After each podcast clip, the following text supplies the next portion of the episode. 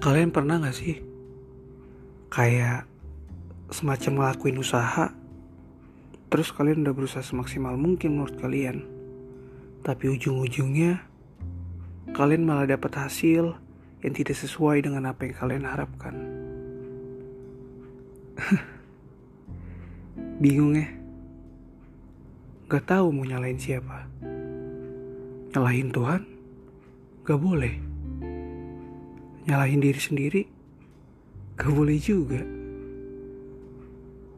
Tapi gue percaya sih kalau segala sesuatu yang ada itu nggak ada yang sia-sia.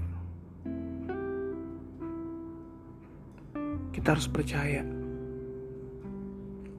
di balik semua proses yang ada Tuhan lagi ngebentuk pribadi kita untuk menjadi pribadi yang lebih kuat. Jangan pernah menyerah